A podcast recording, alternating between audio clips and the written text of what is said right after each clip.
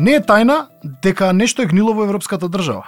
Излегувањето на Европската унија од улогата на ентитет без идентитет се чини потешка од колку што тоа изгледа.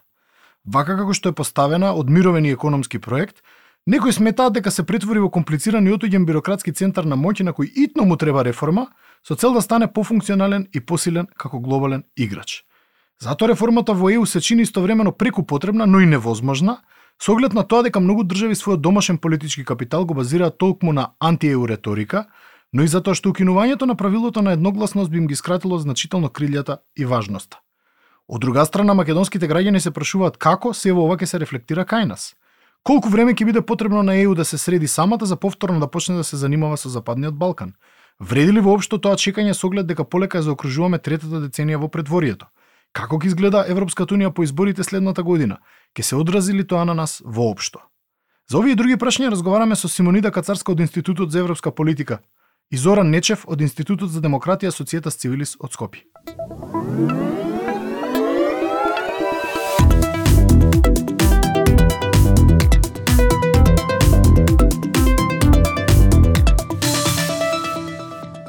Европската унија е во евидентна криза веќе подолго време, полека но сигурно идеите дека таа треба темелно да се реформира стануваат доминантни. Едно од да идеите е дека Европската унија треба да се подели во повеќе подентитети кои би имале различна траекторија, тоест да се создаде ЕУ со повеќе брзини или ЕУ на концентрични кругови. До каде оваа идеја и колку е реално да се спроведе? Што и стои на патот? Може ли ова да се направи со само козметички измени или ќе мора сепак да се менуваат темелните договори со кои Европската унија всушност дефинирана и етаблирана? А, видете, идејата на концентрични кругови не е една идеја само од сега. Значи, идејата за концентрични кругови постои веројатно некаде веќе околу влегувањето на Британија во, во Европската Унија, значи уште во 70-тите, поради што и не треба да ја гледаме како идеја која што е само сега на, на масата. А, таа е сепак само една од идеите, кои што се наоѓа, кои што се дискутираат во моментот, меѓутоа една од идеите кои со децении се дискутираат во во ЕУ. Ако погледнаме предходното проширување, значи големото проширување кое што сите кога велиме проширувањето, се обраќаме на проширувањето од 2004 7 и Хрватска 2013-та, одеше во спротивна насока. Всушност на тие земји им беше одземено правото да бираат, односно да е, разговараме како концент... да, да разговараме за концентрични кругови, бидејќи тие мора да ги преземат сите обврски на членството за разлика од земите предходно како Британија, Данска и така натаму кои што имаа своји исклучоци. Што значи дека тие правила на тие одредени кругови во кои што важат различни правила постоеле и предходно. Вака, ова е една од идеите кои што па целиот овој период мој професионален е идеја која што се врти можеме да ја поврземе уште со идеите на Франсуа Митеран во 89 година за а, Европска унија во повеќе во повеќе брзини. Ова во суштина и денеска постои. Та, нели, кажуваме големо ниво на диференцијација внатре во рамки на самата Европска унија. Еве ќе дам еден еден обичен пример со самото зачленување во Европската унија земите автоматски не стануваат и дел од еврозоната. Да. Еве еден еден пример за диференцијација, друг пример за диференцијација може да биде Шенген. Шенген, да. Еве, Бугарија и Романија колку време се веќе влезени во Европската унија и покрај нивната желба и интерес нели до сега не не постоело политичка волја нити критер добро во последниот критериумите дека се исполнети но сепак имаше блокада од страна на Австрија за да не влезат во во Шенген. Втора голема реформа која се заговара е укинување на правилото на одлучување со консензус или применување кон некако квалификувано или просто мнозинство, веројатно зависно од областа за која се одлучува буџет, заеднички политики, проширување и така натаму. Едно време, доста скоро, актуелна беше идејата минус 2 или минус 3, каде се заговараше дека не сите земји мора да се согласат за да се донесе одредена одлука, тоест дека две или три земји може и да не се согласат, а одлука сепак да биде донесена. Сепак се чини дека многу држави, особено оние кои политичкиот капитал го градат на антиеу риторика, нема да се согласат политички да се самоубијат на овој начин. Можно ли е ова идеја да се спроведи или останува само како теоретска дебата? Повторно и ова прашање на одлучувањето со квалификувано мнозинство е прашање кое што ЕУ ја мачи дол, долго време, особено со зголемувањето на бројот на членките од 15 на 27, односно 28 во изминатите две декади. Тоа што го сведочиме е по е тешкотија, секако е поголема тешкотијата да обезбедите 27 гласа, отколку што биле 15. Значи тоа е несомнено и ризикот кој што го носи нашето проширување, доколку говориме за 6 или 9 заедно со Украина, Молдова и Грузија, е дека ќе бидат 36 на масата и плюс а, земји, земји што го едноставно го зголемува тој проблем. Го а, прави многу по го прави ризикот многу посложен треба да направиме една многу голема разлика. Најчесто во нашата јавност кога говориме за ова се се во однос на квалификуваното мнозинство се говори исто така за е, начинот на носење одлуки во процесот на пристапување, односно во Проширување. преговорите, што е многу друго прашање од ова што сега го поставивме. Всушност, носењето на одлуките во, во процесот на преговорите и не е никаде регулирано како такво, не би барало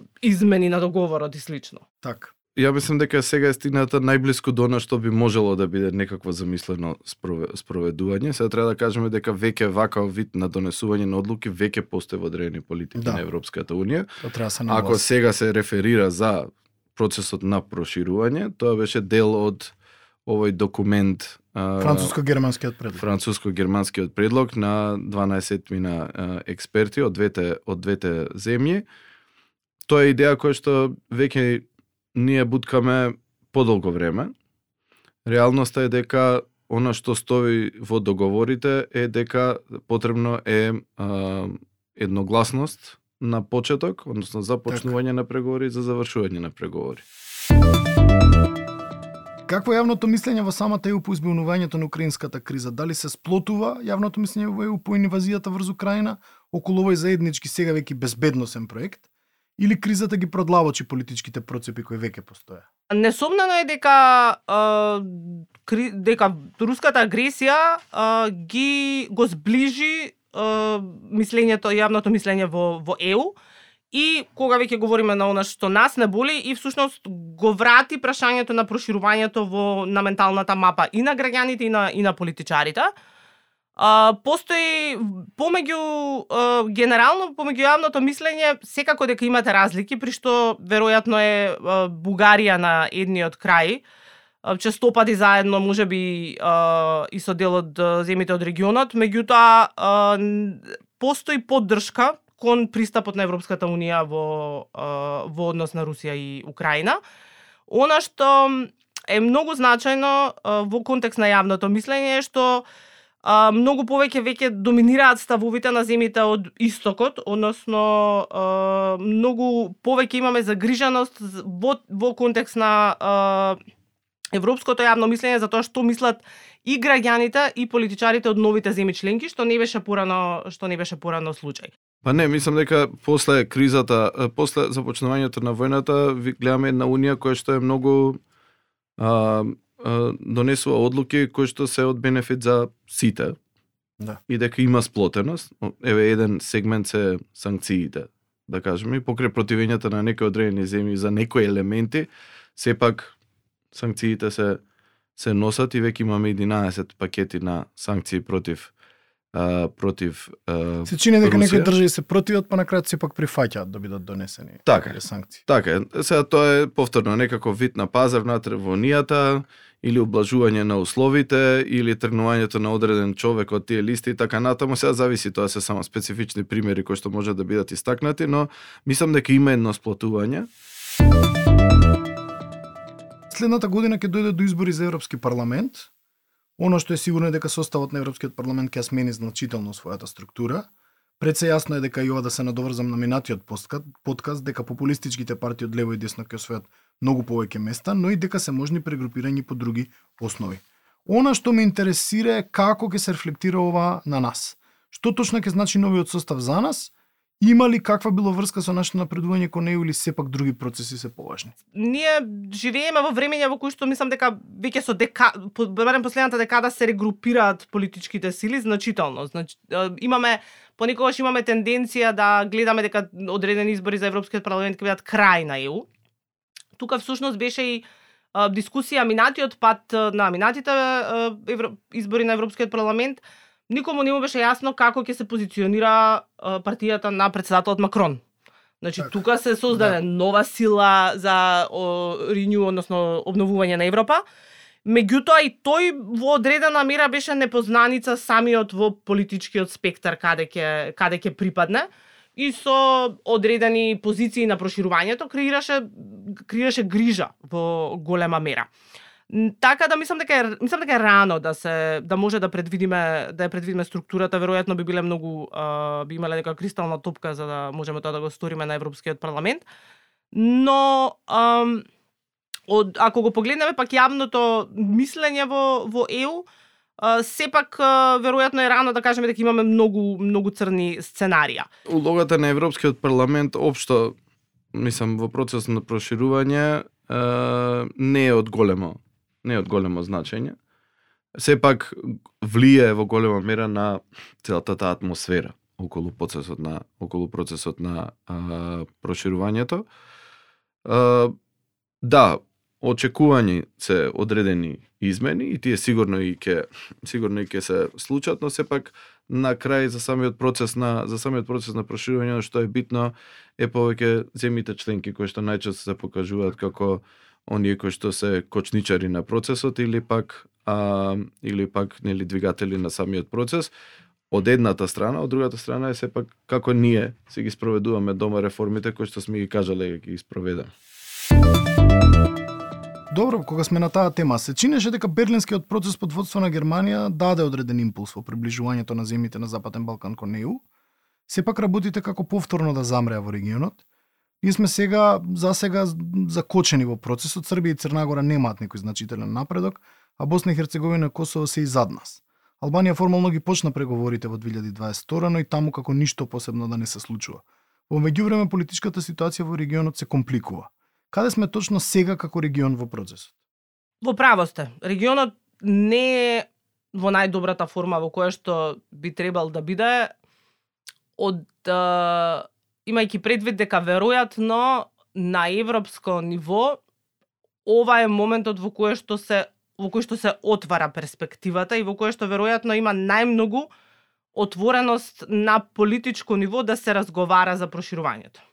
Нашата состојба а, во, и кога велам наша, мислам повторно на целиот регион, не одслику, не го не дава слика на регионот кој што би требал прв да пристапи кон ЕУ во наредната декада, бидејќи се соочуваме со несигурност, се соочуваме со безбедносни ризици и тоа се соочуваме со политички блокади, неможност на државите да испорачаат, неможност да креираат влади, функционирање во технички влади и така натаму, значи ако погледнеме низ, низ целиот низ целиот регион и веројатно тоа не е добрата слика која сакате да ставите кај земјите кои што конечно велат можеби би требале сериозно да разговараме за проширувањето. Прво во однос на Берлинскиот процес ние со години како институт за демократија го за демократија го следиме а, Берлинскиот процес. А, е импулс а, дава одредени резултати, помага на самиот процес на проширување, она што му беше и целта. Нели секогаш не пред да секој пат кога зборат челници од Европската унија за Берлинскиот процес, прво истакнуваат дека не е замена за процесот на проширување, туку дека го подпомага Дека е истиот комплементарен. да. комплементарни го подпомага. Така да во таа смисла еве ако го гледаме овој новиот uh, growth plan кој што го најави Ван дер Лейн е врз база на а, заедничкиот а, регионален пазар кој што е дел од самиот берлински процес и од а, од самиот берлински процес. Во Тирана видовме некаков а, повторен а, напредок, она што нели недостасува таму е финансиски инструменти кои што ги го поддржуваат самиот процес и оној кој што ќе ги поттикнува подстојано земјите да го да ги спроведат да ги спроведат сите оние а, препораки за кои што се а, за, за кои што се а, а, заложиле. Добро, едно едноставно прашање. Реално ли е 2030 година како датум за пристапување во ЕУ? Некаде во 2003-2004 сметавме дека 2020 е апсолутно последниот датум кога би пристапиле ако не и порано, посебно оној дел кога го одговаравме прашалникот, нели иницијалниот кој ни беше пратен од Европска унија. Дали е 2030 година новата 2020 и повод за уште едно разочарување? Дали би требало реалистично да ги димензионираме очекувањата и што точно тоа би значило 2040? Видете, доколку а, на вистина се креира клима за а, унапредување на процесот, барем во нашиот а, случај, веројатно Србија, Црна Гора, Албанија, формално би требало да бидат а, не би било невозможно да испарачаат до 2030 година, при што ја сепак би го врзала потенцијалното членство со наредната со наредниот фискален циклус на ЕУ, односно да дадеме плюс 2 2 години за ратификација, така да некаде 2032-3. А, меѓутоа, ако погледна, ако вашето прашање на реалистична проценка е во однос на искуството до сега, тогаш не е тоа 2040 година. Проценките со ова темп со ова темпо се некаде 2100 и некоја. Мислам не значи така да не нереалистичното, мислам дека единственото сценарио на кое мислам дека треба да работиме е а, 2030 година бидејќи нема нема да направи ако ако се водиме по реалност и по начин на кој што се водеше досега, тогаш Никогаш е да тешко да, заврши. видиме дека Така. во нашите во рамките на еден човечки подолг живот ќе го ќе го оствариме. Она што треба да научиме е да гледаме реално на процесот. Да.